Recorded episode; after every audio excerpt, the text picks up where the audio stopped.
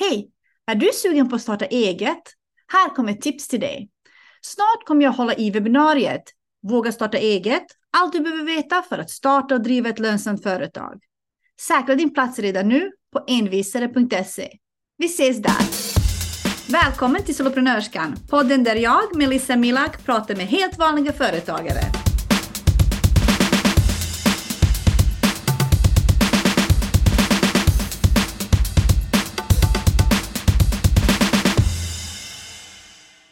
Nu, nu är vi live i Facebookgruppen Soloprenörskan. Me. Yes, måste vi börja bete oss nu Melissa? Oh shit, jag är i pyjamas! Jag glömde bort! Vi måste borsta håret, det här börjar bra. Ska vi köra live? Du bara ja, jag tänkte inte ens på vad jag har på mig. Skitsamma, folk är vana att jag är i pyjamas på alla våra möten ändå. Det här ja, är, den är så snygg. Det är min jobboutfit. så, så jag klär mig på jobbet. Jag hittade en sån här, um, det står så här, jag vet inte, self-care tip, wear pyjamas to work. det skulle vara typ som ett skämt. Och jag bara, fast det är vad jag gör. Men jag älskar det, så alla andra så här businesscoacher de visar upp sig själva på typ så här, här är jag på stranden, la la la. Du bara, här är jag i Göteborg med min pyjamas.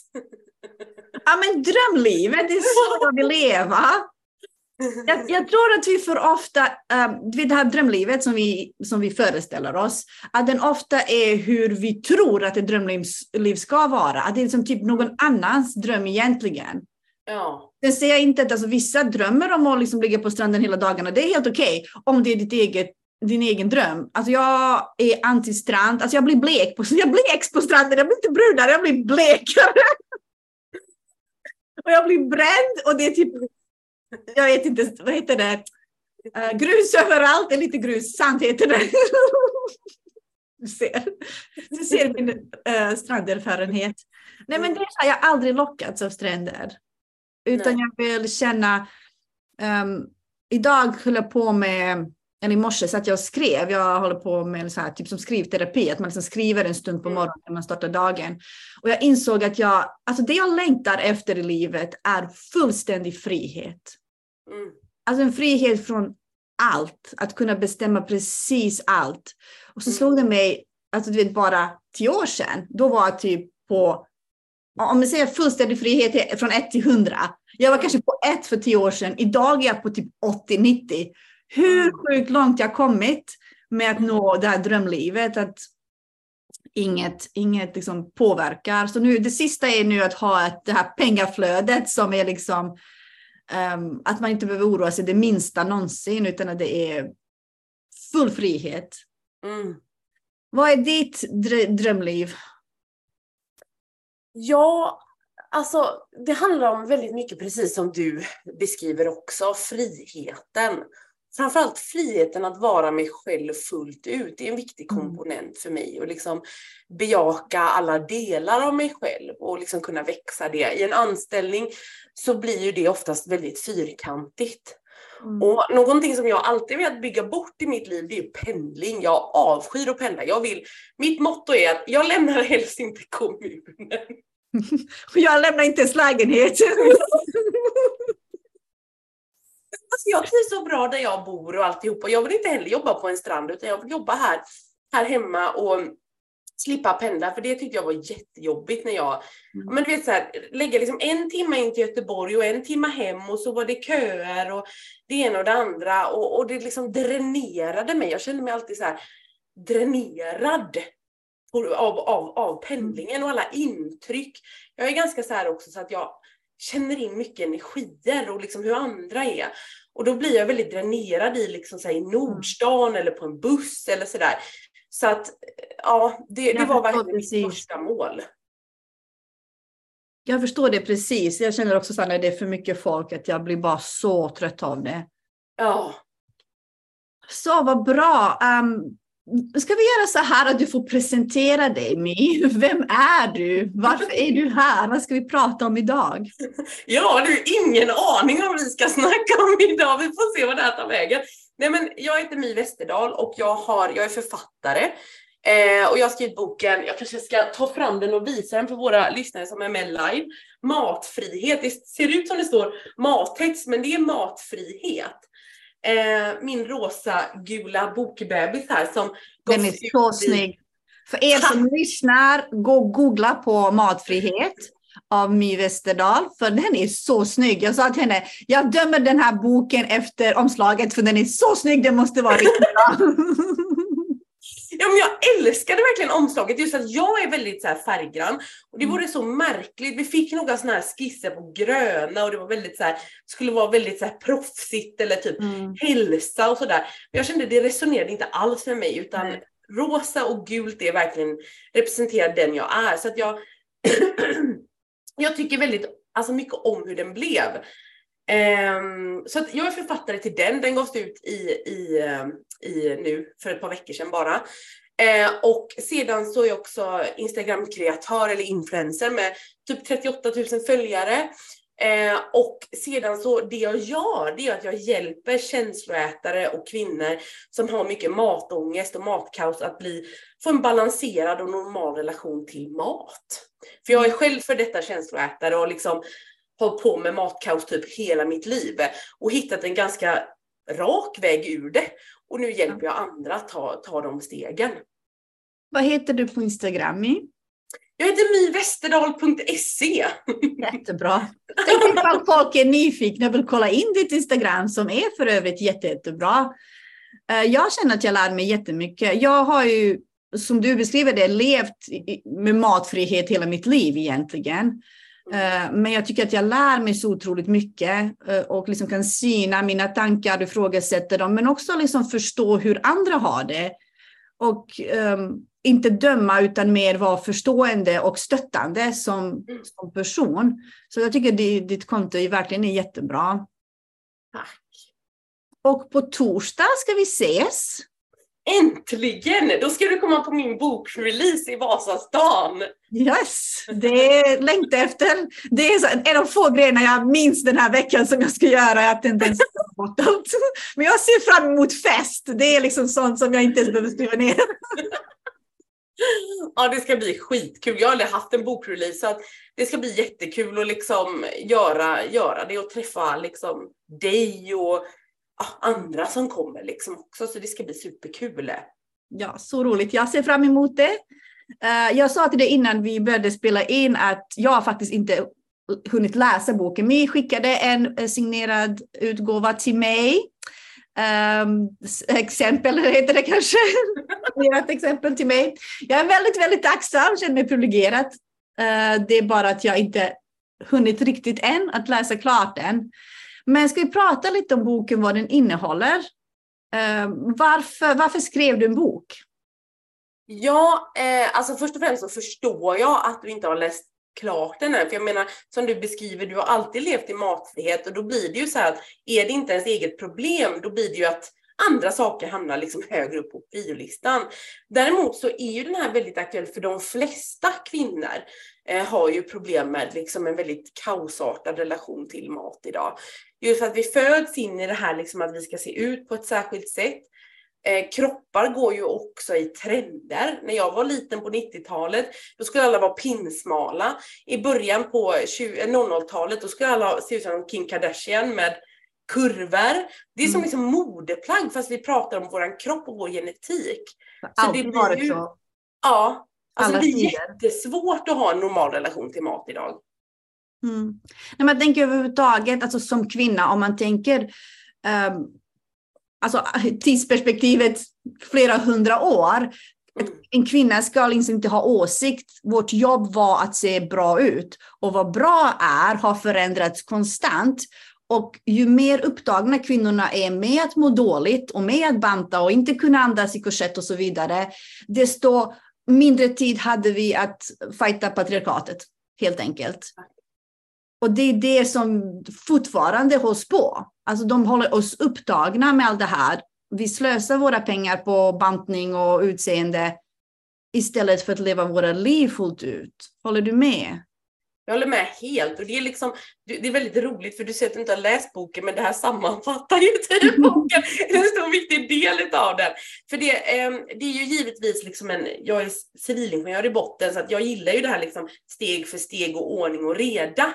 Eh, så det handlar om det, men det bygger också på väldigt mycket liksom, diskussionen liksom, kring eh, liksom, den kvinnliga kroppen och vad vi utsätts för. Och precis som du säger, en av mina ståndpunkter är ju också det här att dieter och bantning är liksom det mest sederande som finns i samhället idag. För att när vi håller på och bantar och våra fettceller töms så skickar de hela tiden signaler till hjärnan bara hallå, vi vill fyllas på. Vilket mm. gör våra tankar kapas av liksom mat. Våra hungershormoner ökar och våra mättnadshormoner sänks. Vilket gör att vi blir helt matfixerade. Och sen så är vi så fixerade av vårt utseende och hur vi ser ut att det blir jättesvårt för oss att liksom göra någonting vettigt, att stå upp emot samhällsstruktur och så vidare. För att vi blir så fixerade av skit rent ut sagt. Mm. Jag håller med. Det som stör mig mest i, i dina kanaler är folk som konstant skriver, jo men det är inte hälsosamt att vara tjock, jo det är viktigt att banta, jo alltså det är hela tiden. Och jag känner för att skrika ibland. Och jag, och jag ser ju det här är människor som alltid varit smala, som alltid haft lätt för att liksom träna och hålla sig i form och liksom ha muskelminne från barndomen och allt det där. Mm. Och jag blir så irriterad av sådana kommentarer, för jag kan känna så här, men kan ni liksom stanna upp och försöka lära er någonting? Mm. Så därför tycker jag det är så viktigt att alla, inte bara folk som kanske känner det som en utmaning, det här, alltså att, känner att de måste banta eller att, att de vill lära sig att liksom sluta med de här tankarna, utan att alla följer dig och lär sig om de här sakerna. För att se hur skadligt det är för oss alla. För att även om man är smal så kanske man skadar sig både med mat och träning. Ja, alltså det som är väldigt viktigt att förstå det är att liksom en smal kropp, en naturligt smal kropp och en nedbantad smal kropp mm. är två helt olika saker. Ja. En naturlig smal, alltså det är ju så här att eftersom jag är civilingenjör i grunden så har jag väldigt mycket killkompisar och killar överlag har en mer avslappnad relation till mat, i alla fall till synes. Mm. Eh, och, och om, man, ska vara väldigt, väldigt, nu är jag fruktansvärt indelad, men om man kollar på programmerarna som pluggade så kan man säga att eh, det fanns liksom, hälften var väldigt smala, hälften var tjocka, men alla gick i, vad ska man säga, hårdrockad t-shirt och långt hår liksom. Jag bor med en sådan så jag har klippt sig. klippt sig. Ja men det är ju så, båda har samma diet liksom, chict och, och grejer liksom ofta. Du vet, ofta, kanske flyttar de hemifrån för första gången. Eh, och alltså en nedbantad smal kropp behöver aldrig träna, man behöver aldrig tänka på vad man stoppar i munnen. Mina smala kompisar som alltid varit smala, de har ju liksom aldrig räknat kalorier utan de är ju bara smala liksom. Mm. Medan jag själv när jag bantade ner mig 95 kilo, då var jag tvungen att tänka på varenda tugga. Och på en semester så kunde jag gå upp 8 kilo på en månad. Mm. Så fort jag bara släppte taget lite om min mat och min träning så bara flög min vikt upp igen. Och eh, så tänker man så här ofta när man är smal, ja men det är ju bara att gå ner i vikt och sen så bara ändra sitt liv. Tjocka människor ligger bara på soffan. Men det där är ju en nidbild och en myt. Alltså tjocka människor har helt vanliga liv precis som alla andra, för att man har andra genetiska anlag. Och det finns ju också, alltså tjocka människor är ju inte en eh, homogen grupp. Nej. Utan det finns ju alltså, lika många anledningar att man är tjock som det finns tjocka människor. Liksom.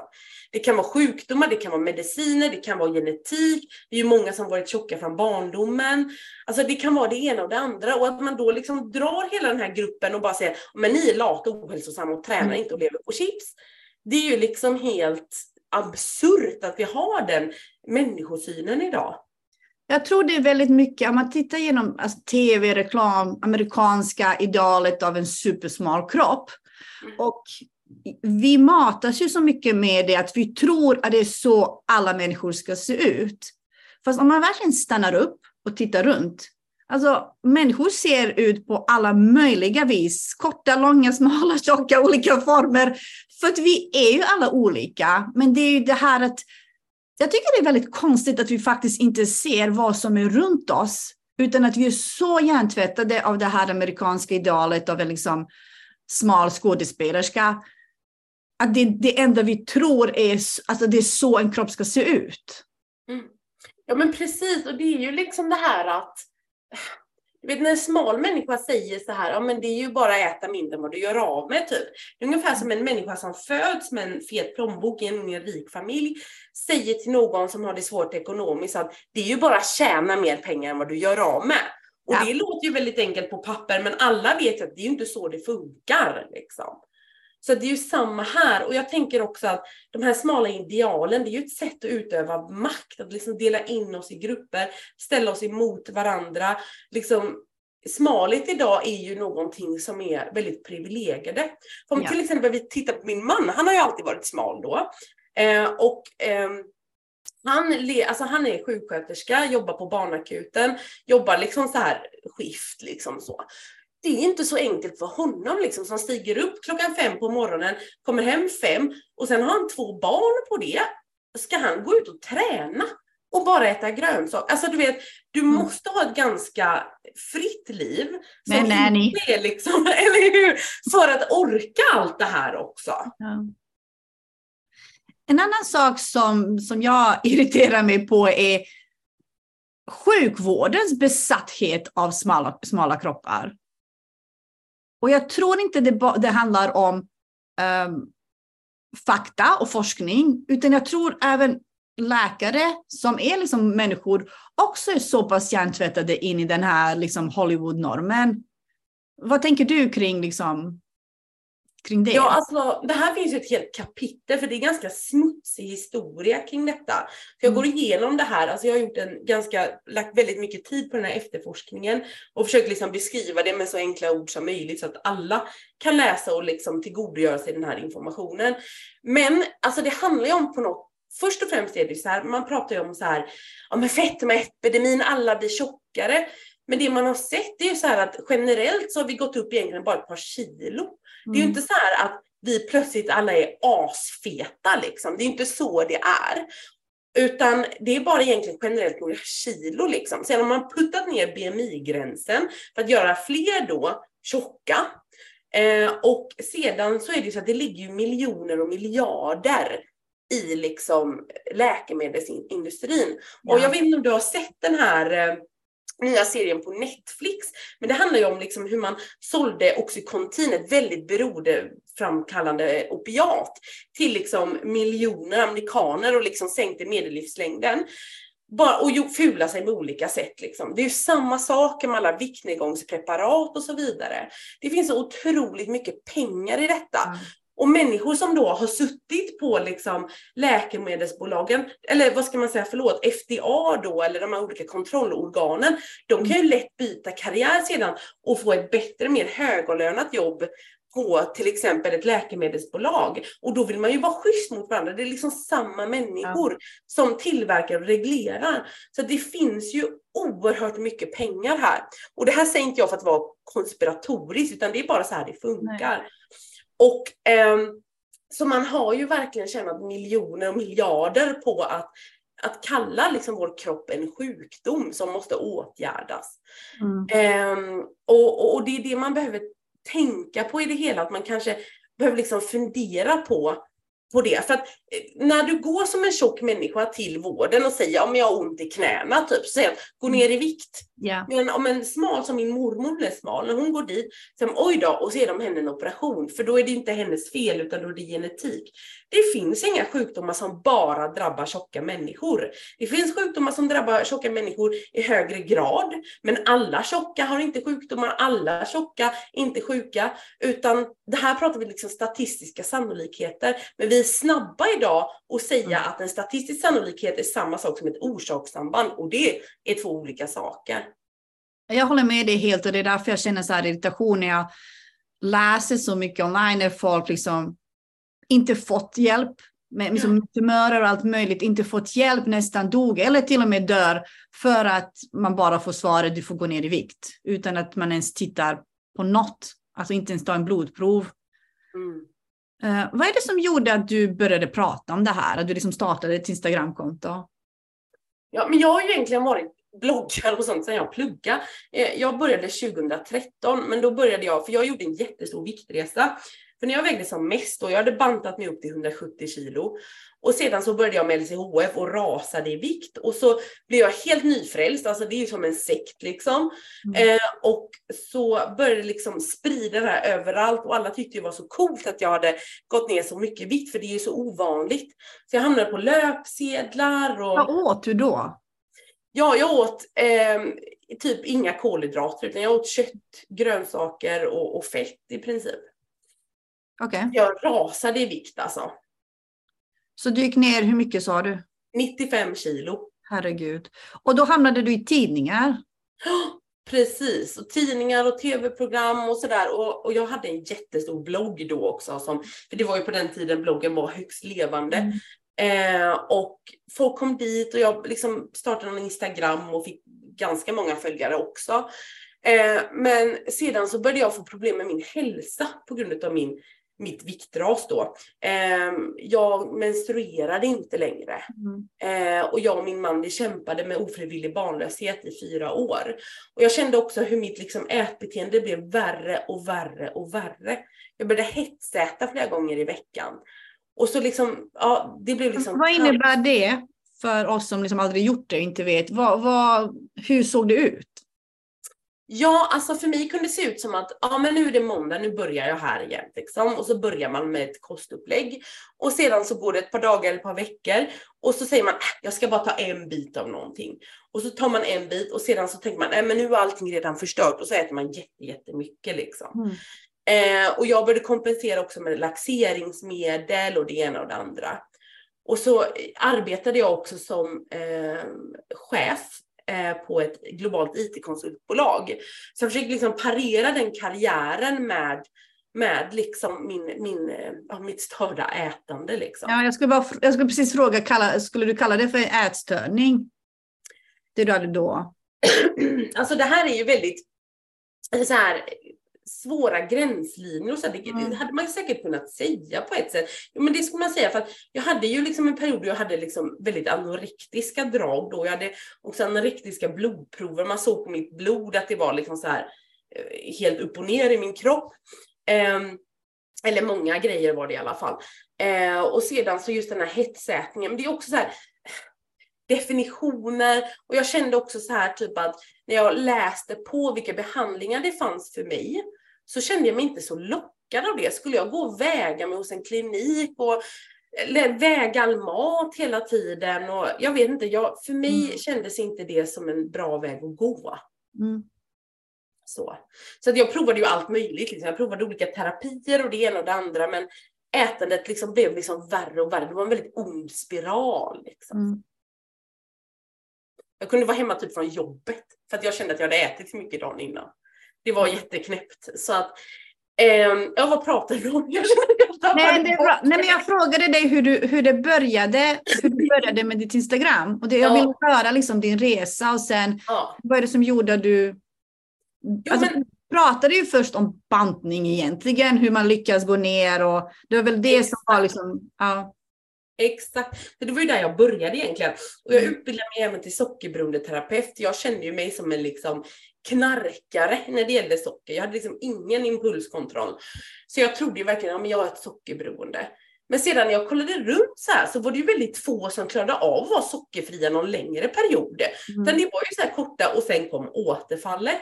Och då kände jag att men det här känns ju inte jättehållbart. Och när jag hade klienter också, jag, jag hade få klienter för jag jag försörjer mig aldrig på detta. Men jag tyckte det var väldigt roligt och det var ett sätt för mig också att uppehålla mitt, min sockerfrihet. Liksom. Mm. Eh, och de fick ju återfall hela tiden så det var ju liksom jättetragiskt så sätt. Det var ingen som kunde liksom hålla sig ifrån den här typen av mat. Eh, och sedan då så så blev det liksom sakta men säkert att jag 2017 stötte på en bok då om intuitivt ätande och också framförallt då en bok om eh, viktneutral hälsa. Liksom. Att viktnedgång mm. är liksom inte vägen till all, all hälsa. Eh, började läsa på där och sakta men säkert började introducera nya livsmedel. Och 2019 så blev ju vi eh, gravida då. Eh, för att liksom allting i min kropp började komma igång igen. Jag gick upp i vikt och liksom normaliserade allt. Eh, och sedan så var det liksom på den vägen och då liksom då insåg jag också att när jag tappade liksom alla matregler och liksom blev neutral med maten, alltså släppte all, liksom, alla viktnedgångsförsök, då slutade jag ju hetsäta. Jag slutade laxera, alltså det fanns liksom inte det behovet längre. Mm. Utan jag blev som vem som helst, som mina kompisar med mat. Och då insåg jag att det är ju boten det här.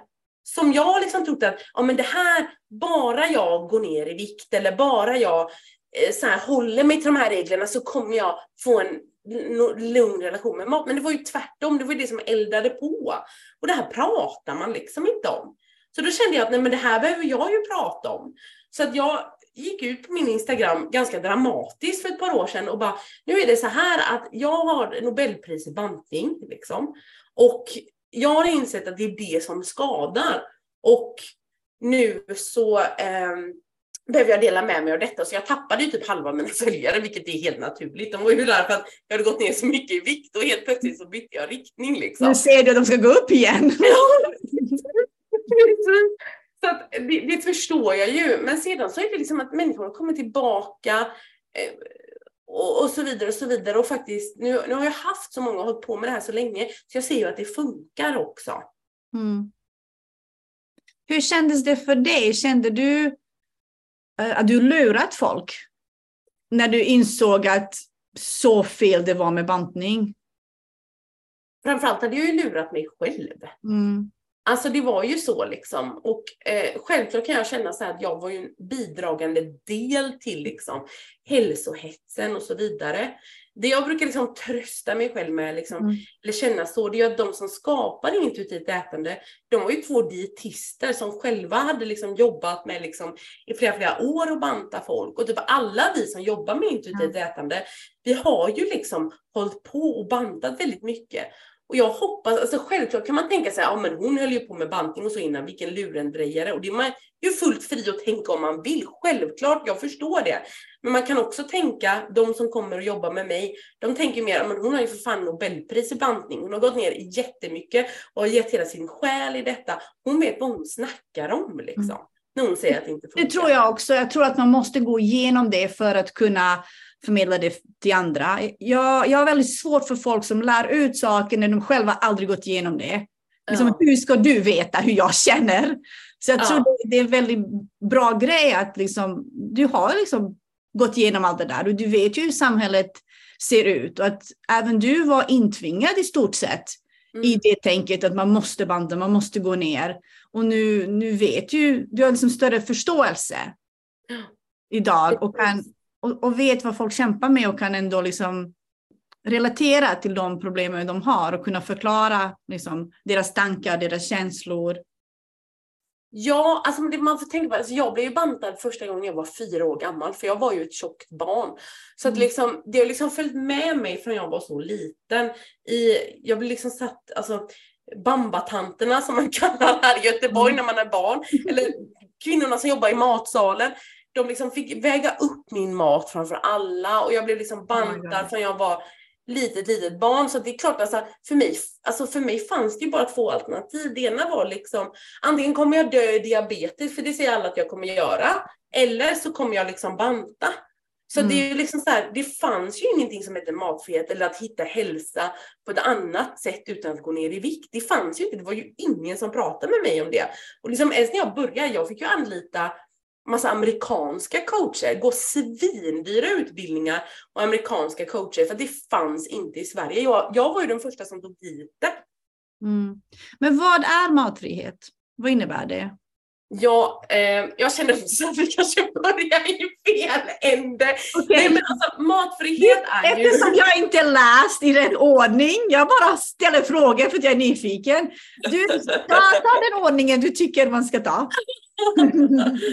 Nej men alltså matfrihet är ju, alltså det är baserat på någonting som kallas för intuitivt ätande som alltså uppfanns, eller man säger i USA 94.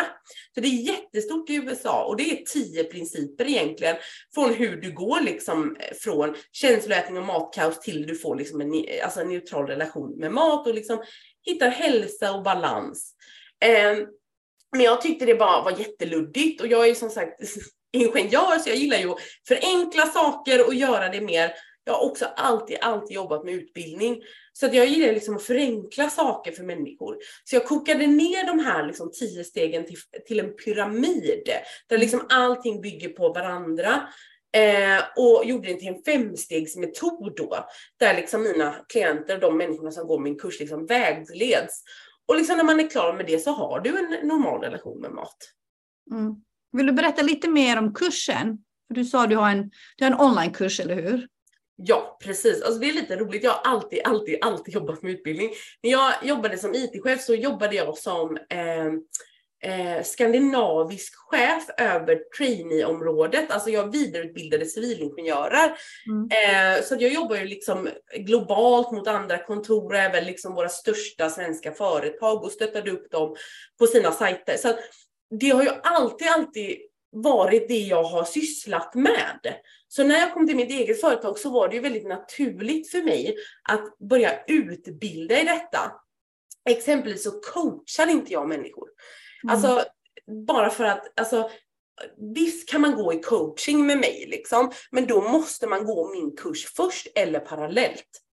För mm. att det är ingen idé att jag sitter och berättar samma sak här som du får genom min kurs och sedan så är du en individ. Då kan vi absolut sitta och prata om dina grejer. Men du behöver den här informationen för att liksom vi ska kunna prata liksom. Du behöver kunskapen först och förståelsen. Exakt! Så känner jag exakt. Jag bara sitter här och nickar. Så känner jag exakt med min kurs också. Alltså, för att jag utbildar i den fakta du behöver. Du behöver förståelsen, i mitt fall då hur man liksom skapar ett företag, hur man startar det, hur man bygger det. Och ibland kommer det folk till mig och säger, ah, men jag vill liksom boka in dig en timme så du kan lära mig starta eget. Fast jag har en kurs som är liksom typ tre månader. Ja. Jag kan inte berätta allt det på en timme. Alltså det är helt omöjligt. Precis, precis så. Och det är ju så eh, med mig också. Min kurs är sex olika moduler eh, som man liksom gör under nio veckor och så, så har vi coaching och en stor Facebookgrupp där det är både liksom gamla och nya som mm. hjälper varandra. Eh, och det är ju otroligt givande. Jag har den ungefär två, tre gånger per år. Nästa start nu är i början av oktober.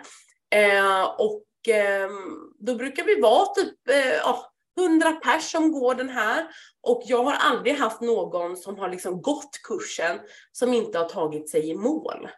Mm. Um, och jag tror att det är väldigt viktigt. Jag tänkte på det. Alltså I början så tyckte jag att det var så här jättejobbigt att typ ta betalt och grejer. Liksom, så här. Jag vet att jag fick jättemycket kommentarer. Bara, Men om du sitter på så viktig kunskap, varför ger den inte ut den gratis? Liksom? Har du också fått den kommentaren? Um, Nej, har jag inte.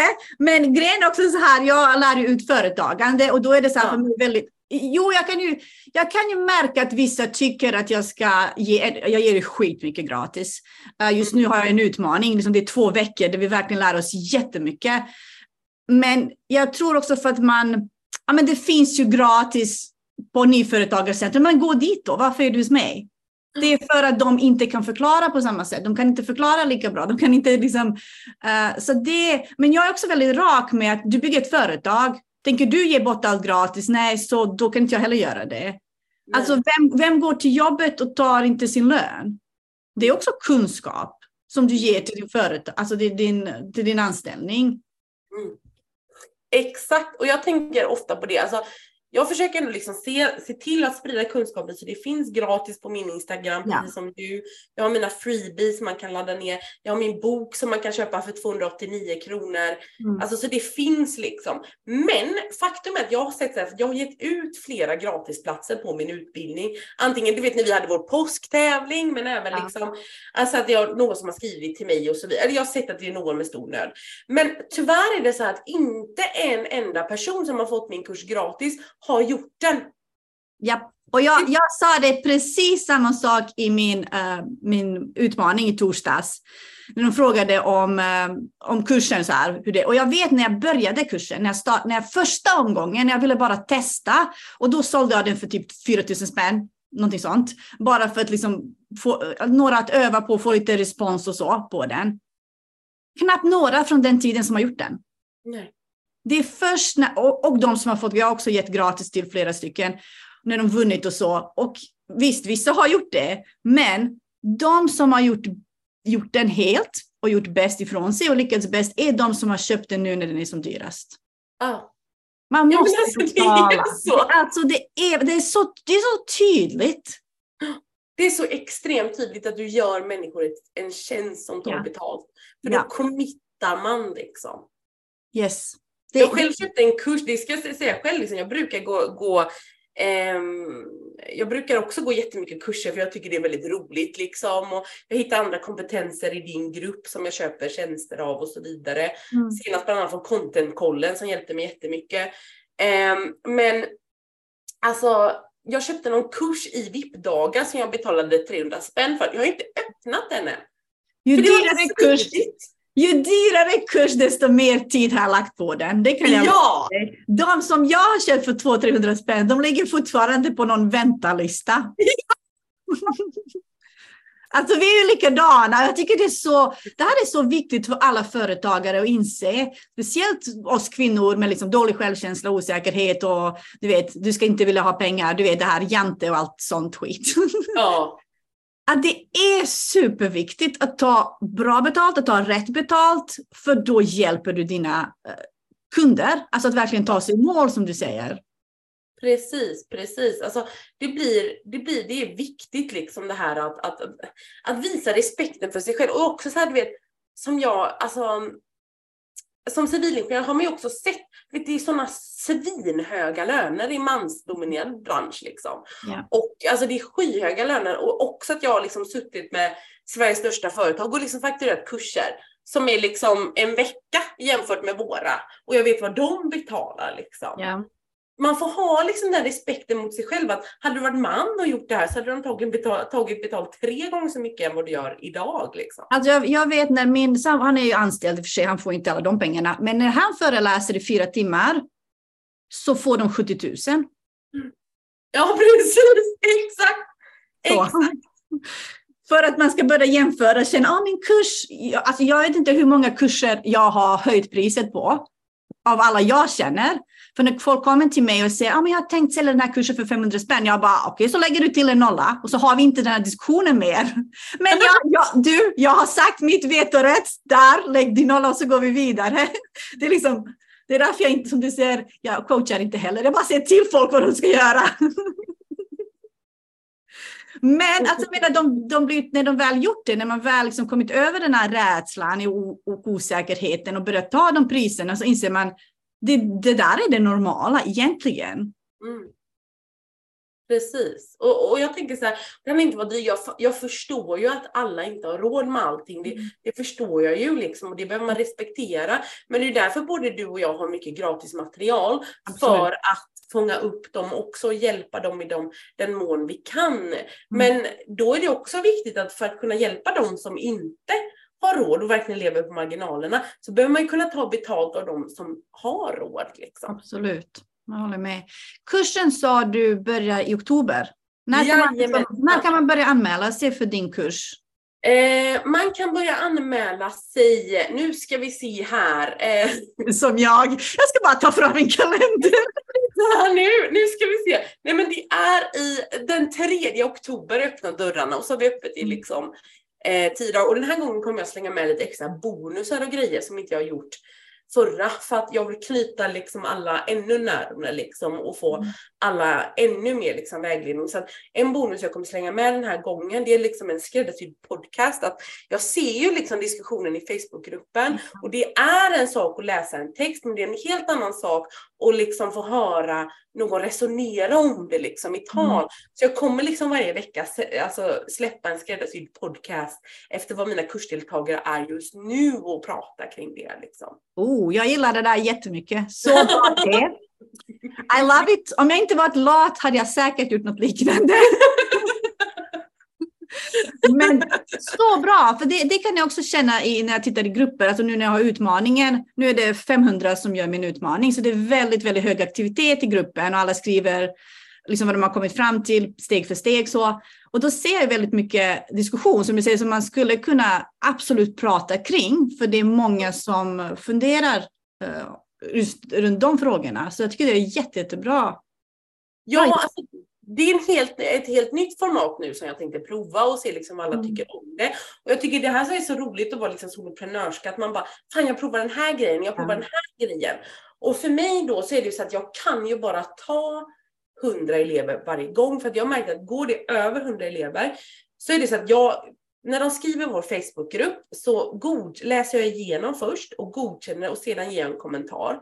Och jag är väldigt sträng där för att man får inte prata alltså vikt i Facebookgruppen och det låter ju helt sjukt. Mm. Men det handlar om att när man är i början så är man ju så här om inte jag går ner i vikt så kommer jag dö, jag kommer bli oälskad, jag misslyckas, jag har ont Ja. överallt. Man är ju verkligen där och man tror att viktnedgång är liksom den enda vägen till att må bra. Och man hatar sin kropp och man vant vid att liksom krypa ut sitt eget skinn liksom. Det är ju det, min ideala klient som kommer, de har ju alla den känslan och tanken. Ehm, och eh, det går liksom inte bara att släppa lös det i gruppen för då drar man ju ner varandra utan Ja. de frågorna diskuterar vi igen på coachingen istället. För det blir liksom ett tryggt mer än att liksom börja diskutera vikt och, och, och viktnedgång och dieter fritt i en Mm. Facebookgrupp. För där behöver jag vara lite mer reglerande. Liksom. Mm. Jag har sett också att folk skriver att de är rädda att gå din kurs för de är rädda att gå upp i vikt. Vad Ja. säger du till dem? Ja, det är ju så att matfett kommer ju aldrig liksom kunna liksom göra dig tjockare än eh, vad liksom din hjärna vill. Så att säga. Det här måste vi förstå, nu blir jag väldigt basic här igen. Men det är så att alla människor har en set point, alltså en vikt där din kropp fungerar optimalast. Precis som du har din kroppstemperatur, ditt blodtryck, allt det här. Det regleras liksom i din hjärna med ganska tajta marginaler. Och ehm, precis samma sak som din vikt. Och när du bantar så trycker ju du ner din vikt under din setpoint.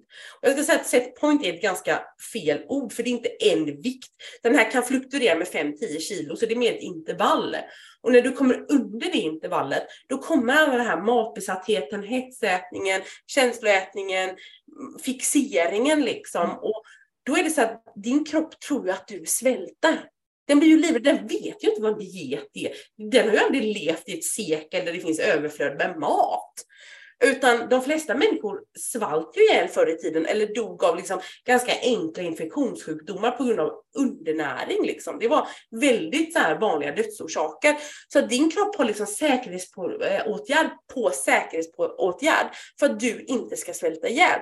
Och matfixering och hetsätning eh, är två sådana. Exempelvis är det så här, låt säga att du hade bott på en öde ö. Så här, och du är Vad skithungrig. skönt. Skönt det lät. Det upp en låda då, full med mat. Mm. Du bara trycker i dig allt, för du vet ju att den här maten kommer förstöras om du låter den ligga. Och det är en överlevnadsmekanism, att kroppen, kan, när den svälter, kan den då äta en stor mängd mat under en kort stund för att du ska överleva, för att få i dig all den här näringen. Mm. Och det är precis de här mekanismerna som kickar in. Och jag skriver, alltså det här låter helt sjukt, men jag backar upp allt det här jag säger med vetenskap i min bok. Så det är inte så att jag tar det här från himlen, utan det finns jättemycket forskning som backar upp det här jag säger. Och eh, så höjer den din setpoint. För att den vill ju att vid nästa svältperiod så ska du liksom eh, ha ännu mer marginaler. Jag menar, alla mina klienter som kommer till mig, mina studenter, de väger ju mer idag än när de börjar banta. För man bantar sig sakta upp i vikt liksom. Ja. Ehm, och det här är det farliga för att vi får ju alltid resultat kortsiktigt. Bara, men kolla, jag har gått ner i vikt, man är jätte, det här fungerar. Men det är alltså en promille pratar vi om som kan behålla den här viktnedgången över tid, alltså över alltså, eh, tre år. De flesta väger lika mycket eller mer. Så när man börjar eh, matfrihet, och det är därför också så här att Många av mina klienter har liksom bara hört talas om matfrihet och så bara, nej men jag skiter i alla regler. Och så äter man tills man kräks. Och sen så blir det en självuppfyllande profetia. Och bara, nej men kolla jag är sockerberoende, jag är jättedålig. Alltså man känner så. Ja. Men du behöver någon som håller dig i handen och liksom tar där små, små, små bebissteg precis där du är. För att liksom eh, du ska vandra hela vägen. För gör du det här för snabbt så blir du överväldigad. Och så Mm. liksom skiter du i det. Och så Ja. återgår du till din snuttefilt-dieterna igen. Ja. Så att du behöver göra det här väldigt, väldigt stegvis och du behöver också eh, vad ska man säga, det här med vikten och så här. Självklart kan det vara så att man går upp lite grann. Men alltså om du kollar statistiskt så är det så här, de som har problem med känsloätning brukar ju när man slutar känsloäta liksom gå ner lite grann. De som, till exempel jag har, väger inte 170 kilo idag, utan jag har ju lagt mig, liksom, jag, är tio, jag brukar alltid marknadsföra min viktnedgång. Det blir mm. jättefel. Men jag är ju liksom tio storlekar mindre än vad jag var liksom när jag var som störst. Men jag brukar inte prata om det för att då går jag ju liksom och gör de här fula knepen som jag inte vill ha med att göra. Liksom. Nej, men jag håller med dig fullständigt, för målet är inte någon viss vikt. Målet är inte liksom gå ner eller upp eller vad det är. Målet är att må bra och inte ha känslor kring mat, för mat är bara mat.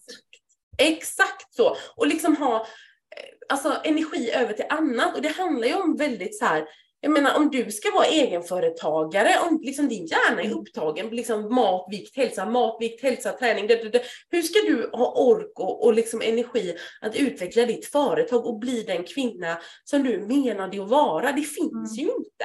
Och hjälpa andra framför allt, tänker jag. Alltså tänk om jag eller du nu var helt upptagna med, med det här onödiga och skada oss ja. själva. Då hade vi inte kunnat vara här för andra heller. Och jag tänker det är det är också både sorgligt och lite egoistiskt. Ja. Men jag tänker.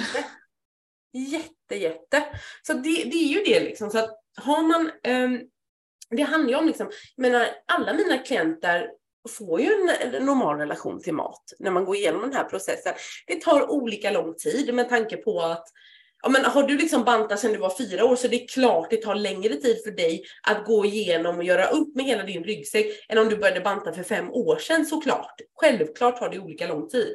Men efter det, efter liksom den här matproblematiken har liksom försvunnit så kvarstår kroppshetsen.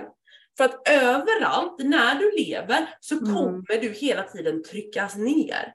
Folk kommer säga att du behöver gå ner i vikt, vården kommer skamma dig, eh, alltså överallt runt omkring kommer liksom, du få in olika budskap. Jag menar, jag slog upp SVT för att jag skulle sätta på Pippi Långstrump till mina barn. Det första jag möts av det var liksom min tjockumentär. Om någon, om, det var någon dokumentär om en tjock man som gjorde en gastric bypass som var så jävla bra typ. Alltså du vet, vi möts ju av det här hela tiden. Så det är klart att den kvarstår även när liksom din din, din, ditt ätande normaliserats. Och mm. då måste vi gå in med liksom åtgärder för det också. Så det går liksom i olika faser. Och jag, tänker så här, jag tänker faktiskt på det här varje gång jag går förbi tidningarna i affären och bara mm. känner fuck you till, till Expressen och Aftonbladet och deras söndagsbilaga där det är bantning, alltså varje dag. Mm. Finns det liksom inget annat att skriva om? Nej. Och då tänker jag, som du ser, vilken industri det här är. De får säkert betalt för att prata om det och för att alla är liksom så hjärntvättade i det så kanske man liksom köper tidningen. För Men att alltså, en gång försöka kämpa sig till att må bra. Ja, alltså det är ju det är ett väldigt komplext svar. Men det är så här, generellt är det så att människor som känner att de duger är ju inte lönsamma. Så Nej. vi måste ju marinera från små ben vad som är rätt och vad som är fel. Mm. Och eh, jag tänker också att Alltså just det här med liksom viktnedgång och så vidare. Det är ju, vi människor föds ju liksom ett svart hål i oss. Alltså de flesta har en fritt flytande ångest i sig själva och där bara liksom symptomen är olika. Någon kanske har jätteångest kring ekonomin, någon annan har jätteångest över så här. Och man tror det här att bara jag blir ekonomiskt oberoende så kommer jag bli lycklig. Eller bara jag blir smal så kommer jag bli lycklig. Och det här vet ju de och så säljer de in de lösningarna liksom. Mm. Och viktnedgång är ju aldrig svaret, det är egentligen huret. För vi vill komma till en plats där vi känner oss fria, oberoende, trygga, älskade, attraktiva. Ja men du vet det här. Och vi mm. tror att bara jag blir smal så kommer jag nå dit. Eller bara jag blir ekonomiskt oberoende så kommer jag nå dit. Liksom. Men allting handlar ju om en inre resa. Mm. Där hittar vi ju svaret. Jo, och samma sak är ju alla som liksom opererar sig, alla saker man försöker Speciellt då kvinnor som blir, som blir hjärntvättade sen födseln, hur vi ska se ut. Det ska liksom det är så mycket som ska göras hela tiden. Håret ska plattas, det ska lockas, det ska färgas, det ska slingas. Alltså vet, om man börjar uppifrån, ögonbrynen, de ska se ut så här, de ska se ut så här, ögonfransarna, ögon... Alltså vet, he, och sen helt neråt, som en, man tänker som en meditation, neråt genom hela kroppen, allt är fel på en.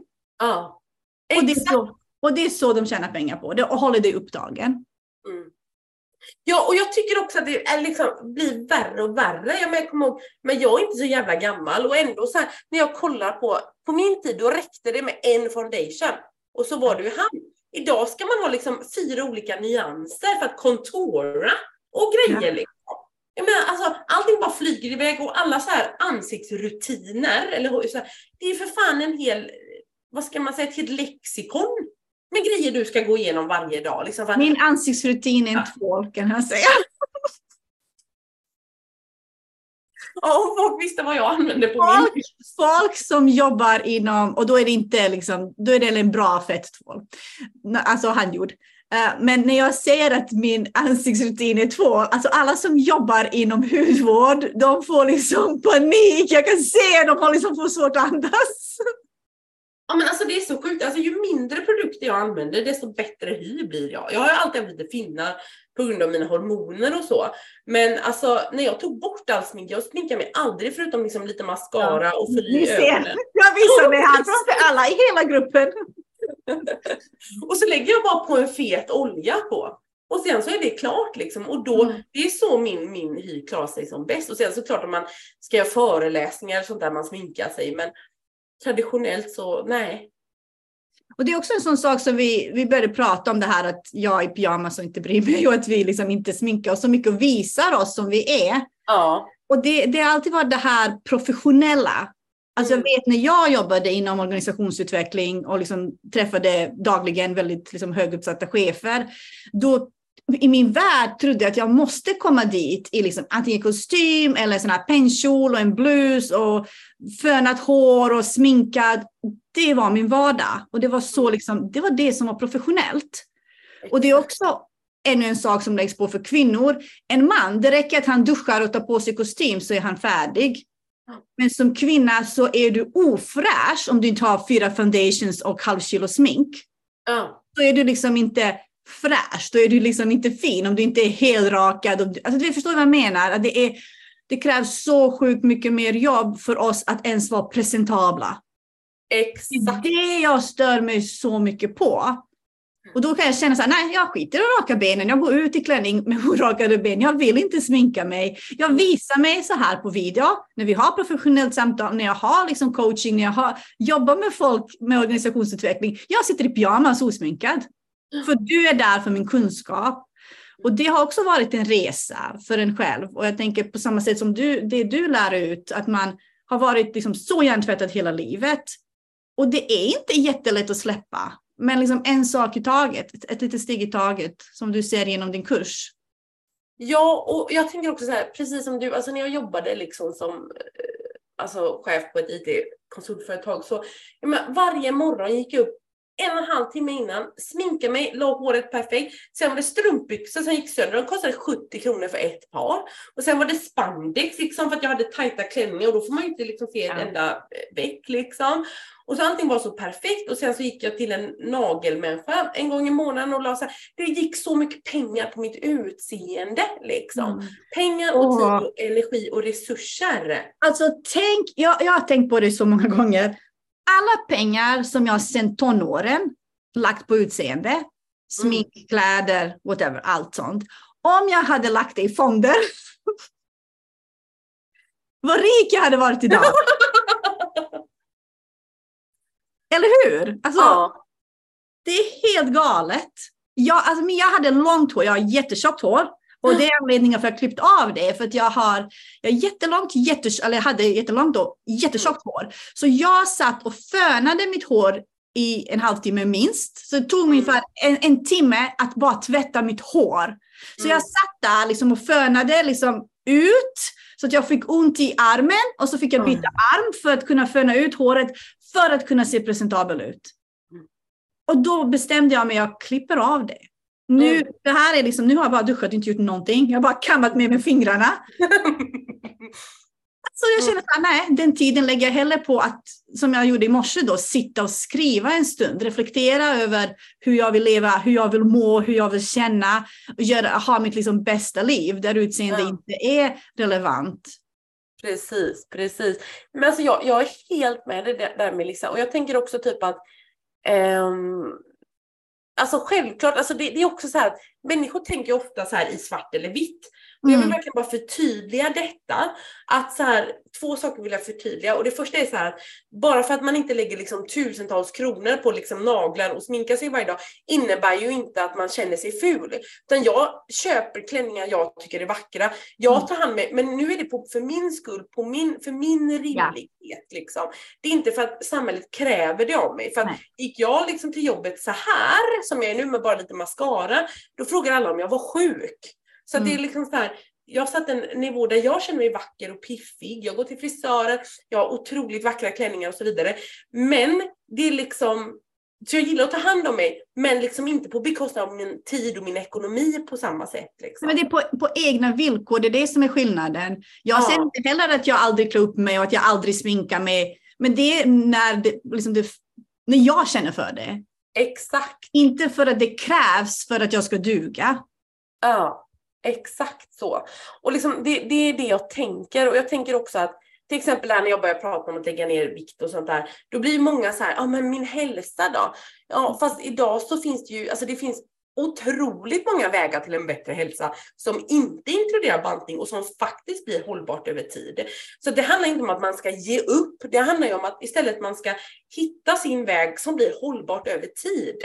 Mm. För att uppenbarligen, att liksom lägga sig 30-40 år på att försöka krympa sin kropp och det aldrig går förutom kortare stunder, då behöver man ju tänka nytt.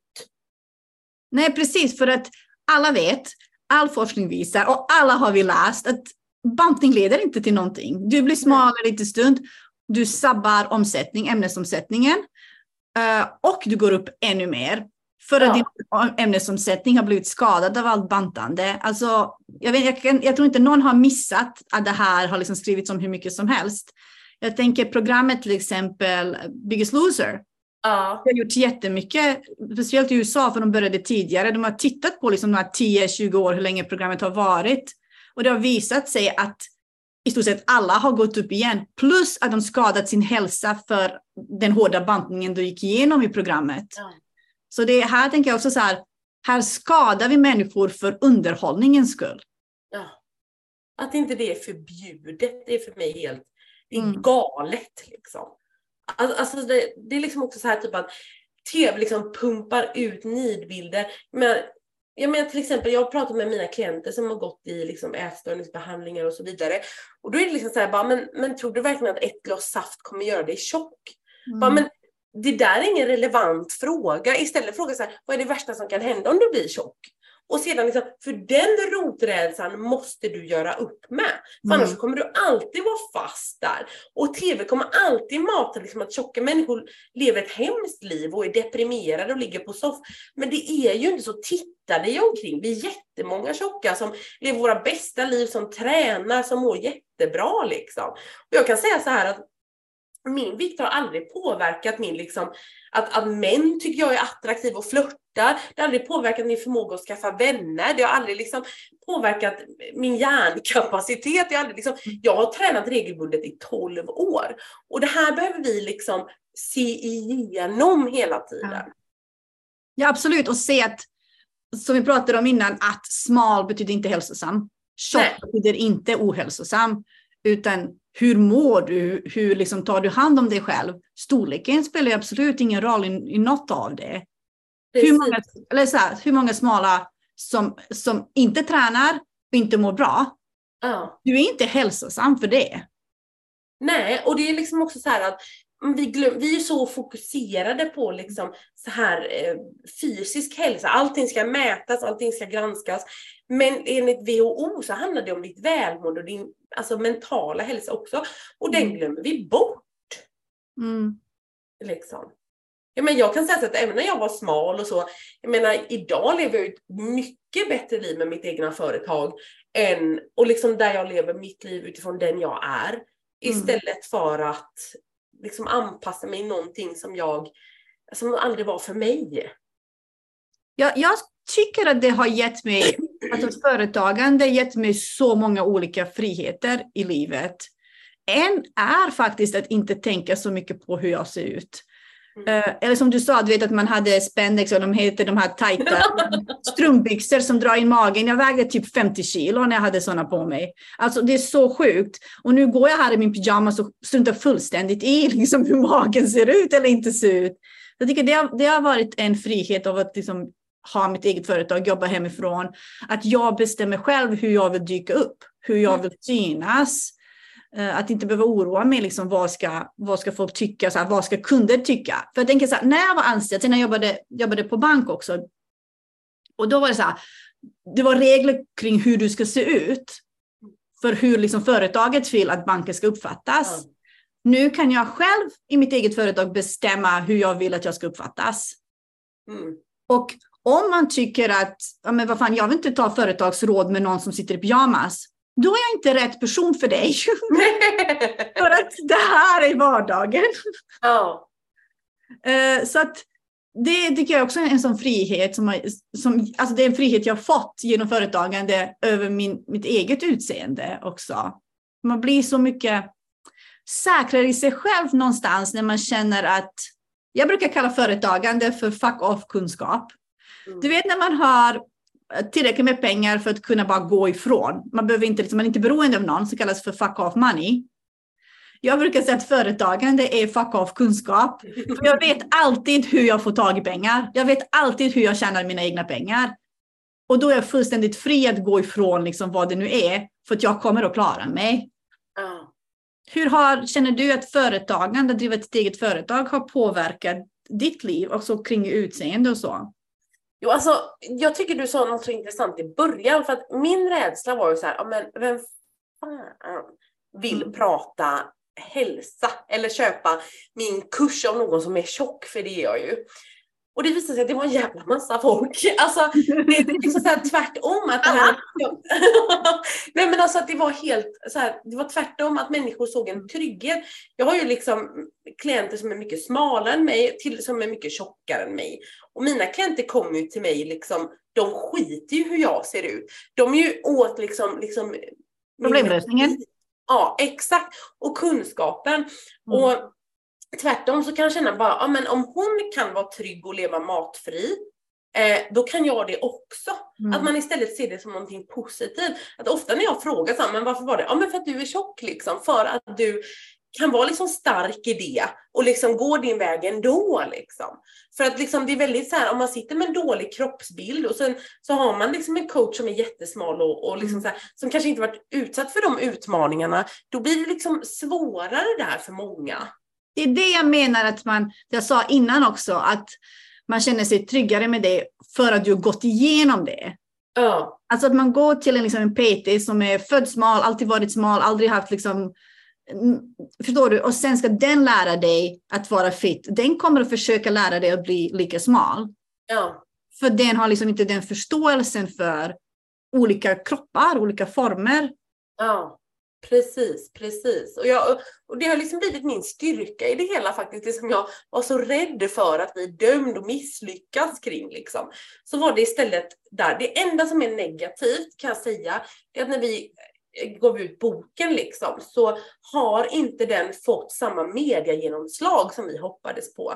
När, när eh, förlaget så har kontaktat stora bolag som är som att nej, vi vill inte uppmuntra fetma. Alltså det är så mm. sjukt. Yeah. Och det, det är jättetråkigt för de har ju inte mött på det i andra böcker. Men den har ju sålt mycket bättre än alla deras böcker innan. Så att jag menar, även om man inte får den liksom röda mattan fram liksom mm. och synas, så innebär det inte att det är kört ändå, utan alltså jag tror på gräsrötter och ens egna förmåga att sprida liksom.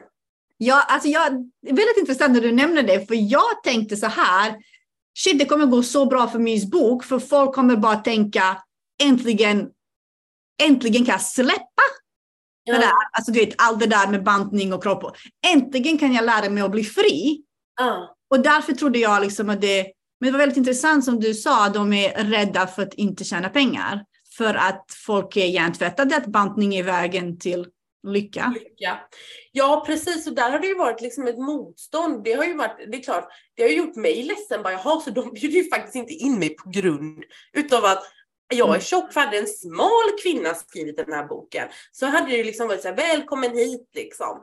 Men just för att jag ser ut som jag är så så har det istället mötts av liksom skepsis. Så att det, och en vägg liksom. Men det är liksom, det är, jag tänker alltid i mitt företag så här, vad kan jag kontrollera och vad ligger utanför min kontroll? Det jag kan göra, det är liksom så här, att sprida den på mina kanaler, dyka upp i relevanta sammanhang som här med dig och eh, hoppas att rätt människor som behöver den här boken faktiskt får tag i den. Och sedan så ligger allt annat utanför min kontroll liksom. Så jag det är tänker också... tankeenergi på det. Jättebra, superbra du tar upp de grejerna. För många oroar sig över saker de inte kan påverka, så det är ja. jättebra. Men jag tänker också att så här, money talks. Ja. ju mer du kommer att sälja, ju fler blir intresserade, ju fler som frågar efter boken, så tror jag definitivt att det kommer ges mer plats för den även hos andra bolag och alla liksom mm. säljställen. Ja, precis. Alltså, den har ju som sagt sålts jäkligt bra redan nu. Alltså, liksom över vad vi någonsin hoppades på. Så det är ju jätteroligt. Grattis My, bra jobbat! Jag vill bara säga det, yes! Tack! Och sen ska jag säga så att jag har ju valt att ge ut den här boken på liksom ett professionellt förlag och den är ju väldigt så här, dyr i sin utformning och så vidare så det tar ju väldigt lång tid för att liksom nå break-even på en bok. Jag tjänar inga pengar på den än, men skulle den tryckas i ett annat, ett, liksom en andra upplaga så skulle man få lite, så det ska man vara medveten om när man köper en bok. Alltså, det, de pengarna går inte till en författare i främsta fall. Liksom. Så. Men det är ju Jag är stolt över dig. Tack. Men, men det är fortfarande ett sätt att liksom bygga sitt varumärke på, nå ut till fler och göra kunskapen mer lättillgänglig. Så. Absolut, jag håller med dig. Det är, alltså, om vi tänker ur företagsperspektiv för ditt personliga varumärke, för, för varumärkesbyggandet så, så är det absolut jättebra uh, grej att ja. göra. Precis. Så men, vad ska vi, tänker, ah, förlåt, ville du säga något? Ja, nej, men jag ville bara spinna vidare på den här frågan för jag tycker den är väldigt rolig, just den här som du frågar, för det är väldigt sällan jag pratar mitt företagande med någon, utan mm. jag brukar mest prata om matfrihet. Och Eh, det jag tycker om att vara företagen, det är ju liksom så här att när jag pluggade, när jag jobbade som ingenjör och liksom det här hårda, så gick jag hela tiden utbildningar i mjuka grejer som liksom mm. samtalsterapi, sorgebearbetning, ba, ba, ba, alltså väldigt mjuka kurser. Och sedan nu då när jag jobbar med det här mjuka, då går jag hårda kurser istället, utbildar mig själv liksom. Och för mig är det så roligt med att vara egenföretagare i det digitala, för jag får ju kombinera mina expertiser. Mm. Att jag, jag får liksom kombinera det här mjuka som jag har liksom, jag, jag tycker att min styrka är att förmedla saker liksom på ett, på ett enkelt sätt, vetenskap och så vidare.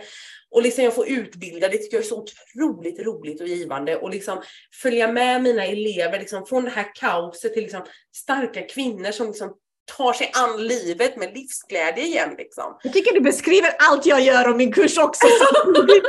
Men det är intressant, för det är det just alltså en bra kurs ska göra. Ja, verkligen. Att man liksom ser den transformationen. Mm. Och samtidigt får jag som ingenjör också jobba back-end. Jag sitter i många liksom olika system, programmerar mycket själv och kopplar ihop. Och där har jag liksom en fördel som ingenjör. Liksom, att jag lätt så här, även om inte jag liksom programmerare, så har jag liksom programmerat en hel del och liksom suttit i många... jag är inte mm. teknikrädd, vilket gör att jag sparar väldigt mycket pengar på att jag löser många problem själv. Vill du veta hur det ser ut på min eh, back-end som också med onlinekurser? jag kan gissa. Jag sätter mig ner, får panik, börjar gråta och min sambo kommer och säger jag fixar det älskling. jag vet inte, jag är inte oteknisk som person. Alltså, så om jag sätter mig ner så fattar jag. Men ja. min, min första reaktion är alltid rädsla och panik. Ja. Sen jag, nu har jag med tiden blivit bättre på det. Alltså i början ja. för två år sedan, då var det verkligen, jag, jag bröt ihop totalt och det gick inte. då fick min sambo liksom hoppa in för att liksom lugna ner mig och hjälpa mig vidare. Idag är jag mer så här, jag får den här första eh, panikångestkänslan och sen säger jag till mig själv, okej okay, Melly, men låt oss bara titta lite på det. Mm. Och sen liksom släpper det. jag tänkte bara tipsa dem som inte är som du. Men alltså jag tror att det är jätteviktigt att liksom våga ta det steget. Det är samma sak som liksom bokföring för mig. Fy! Alltså så här är det så roligt, för man tänker så här, men en ingenjör är så detaljorienterad. Men jag är verkligen inte det på det sättet. Och jag tycker det är dötråkigt. Så för mig... Vad det är det? Exakt! Alltså den första tjänsten jag köpte det är en vettig revisor. För det, eller vad ska? Redovisningskonsult. Exakt, exakt, förlåt. Bara för att rätta. För det dränerar mig och där måste man liksom vara väldigt såhär, vad dränerar mig och vad höjer mig med mitt företag? Mm. Och liksom det första man ska investera i, plocka bort allt som dränerar en liksom. Håller med. Och du vet ju, jag har ju magister i internationell ekonomi. Jag, jag kan ju bokföra, jag har full förståelse för ekonomi och bokföring och allt sånt. Jag lär ju ut liksom mycket av det. Men själv i mitt eget företag, jag tycker det är tråkigt att mata in siffror i ett program. Jag tycker det är supertråkigt och känner att det finns mycket roligare saker och bättre saker jag kan göra med min tid. Så då hittar man någon som tycker att mata in siffror i en bokföringsprogram är absolut bästa som finns i deras liv. Så får de göra det de tycker är kul så gör jag det jag tycker är kul. Exakt, men det är också väldigt så här, trygghet för dig, för det kan jag känna ibland så här, men mm. tänk om ingen skulle vilja gå mina kurser mer eller något sånt. Och man, jag jobbar ju liksom, mellan mina kurslanseringar så är jag ju också influencer. Tänk om jag skulle tappa mina kontrakt och så vidare. Tänk jag kommer bli luspank. Det är ofta den, jag tror att alla soloprenörer ska ha den lilla mm. rädslorösten i huvudet också. Och speciellt om man har varit med om det i livet tidigare, att man liksom varit ja. fattig. Så Exakt. är man liksom rädd att gå tillbaka till det. Jag har absolut den rädslan. Ja. Hur, hur hanterar du det? Uh, jag, jag, skriver varje morgon, kör terapi varje dag. för, mig är det, för mig är det mycket så här att jag jobbar mot ekonomisk frihet för att jag tror att det kommer att ge mig trygghet. Ja. För att jag vill inte behöva oroa mig för pengar. Jag har haft Um, jag har haft ont om pengar liksom den mest, största delen av mitt liv fram till liksom, de senaste tio åren och har haft ett väldigt jag har mått dåligt i liksom 30 år, jag har gråtit varje dag och haft det väldigt tufft.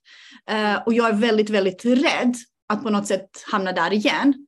Och jag tänker så här, om jag har ekonomisk frihet, om jag har den här ekonomiska tryggheten, då behöver jag aldrig ha med Försäkringskassan att göra, med Arbetsförmedlingen att göra, liksom att känna mig utsatt på något sätt. Om du förstår vad jag menar. Ja. Uh, utan att jag kan vara fullständigt fri mm. att leva mitt liv hur jag vill. Och därför är det för mig liksom sån sak att jag uh, verkligen jobbar för ekonomisk frihet. Ja. Men, jag tror det är jätte, jätteviktigt och jag håller med dig om det. Liksom. Jag, är för, jag, har åtta, eller, jag har åtta syskon. Mm. Och vi levde liksom fem personer på 48 kvadratmeter. Jag började jobba när jag var 11 år gammal och sen jobbade jag sedan dess. Så att jag håller med dig där. Man har liksom sett det här. Liksom. Mina föräldrar hade aldrig råd att köpa nya byxor till mig. Utan fick laga allting och så. Så att liksom när man har liksom varit på den sidan mm. och liksom verkligen fått hålla hårt i det. Så är det klart, det ligger ju så nära en. Och jag kan ju fatta att vi alltså ibland kan känna att man är rädd för det. Jag tror att jag finner min trygghet i just den här att jag har fuck off kunskap, skulle jag säga. Ja. Jag finner väldigt mycket trygghet i det att jag, liksom, när jag känner att jag är rädd och så här, oh, men undrar hur den här lanseringen kommer att gå. Du vet, du vet ju själv hur det är. Så här. Jag har, man har ju satt upp mål, men man är ju så här rädd att ingen vill någonsin jobba med en. någonsin. Alla kommer bara försvinna. Uh, men då kan jag känna så här, okej, okay, men lugna dig. Är det verkligen sant att man liksom ifrågasätter tankarna? Det är nog inte riktigt rimligt det du tänker. Och du har ju kunskapen. Även om, om alla skulle bestämma sig, det här är inte något de vill ha av dig, så vet du hur man bygger ett företag och då kan du liksom göra något annat. Ja. Så jag, jag, finner mycket trygghet i att jag har kunskapen. Ja, men jag tror det också, också så här, oavsett vad, så liksom att man vet att, att man kan göra andra saker om det inte skulle bära. Men för mig är det så här, nästan läskigare och bara, ja fast alla kan jobba, inte alla, men väldigt många kan jobba som mellanchef på ett eh, konsultbolag. Men bara jag kan skriva en rosa-gul bok och mm. förmedla matfrihet på det sättet jag gör.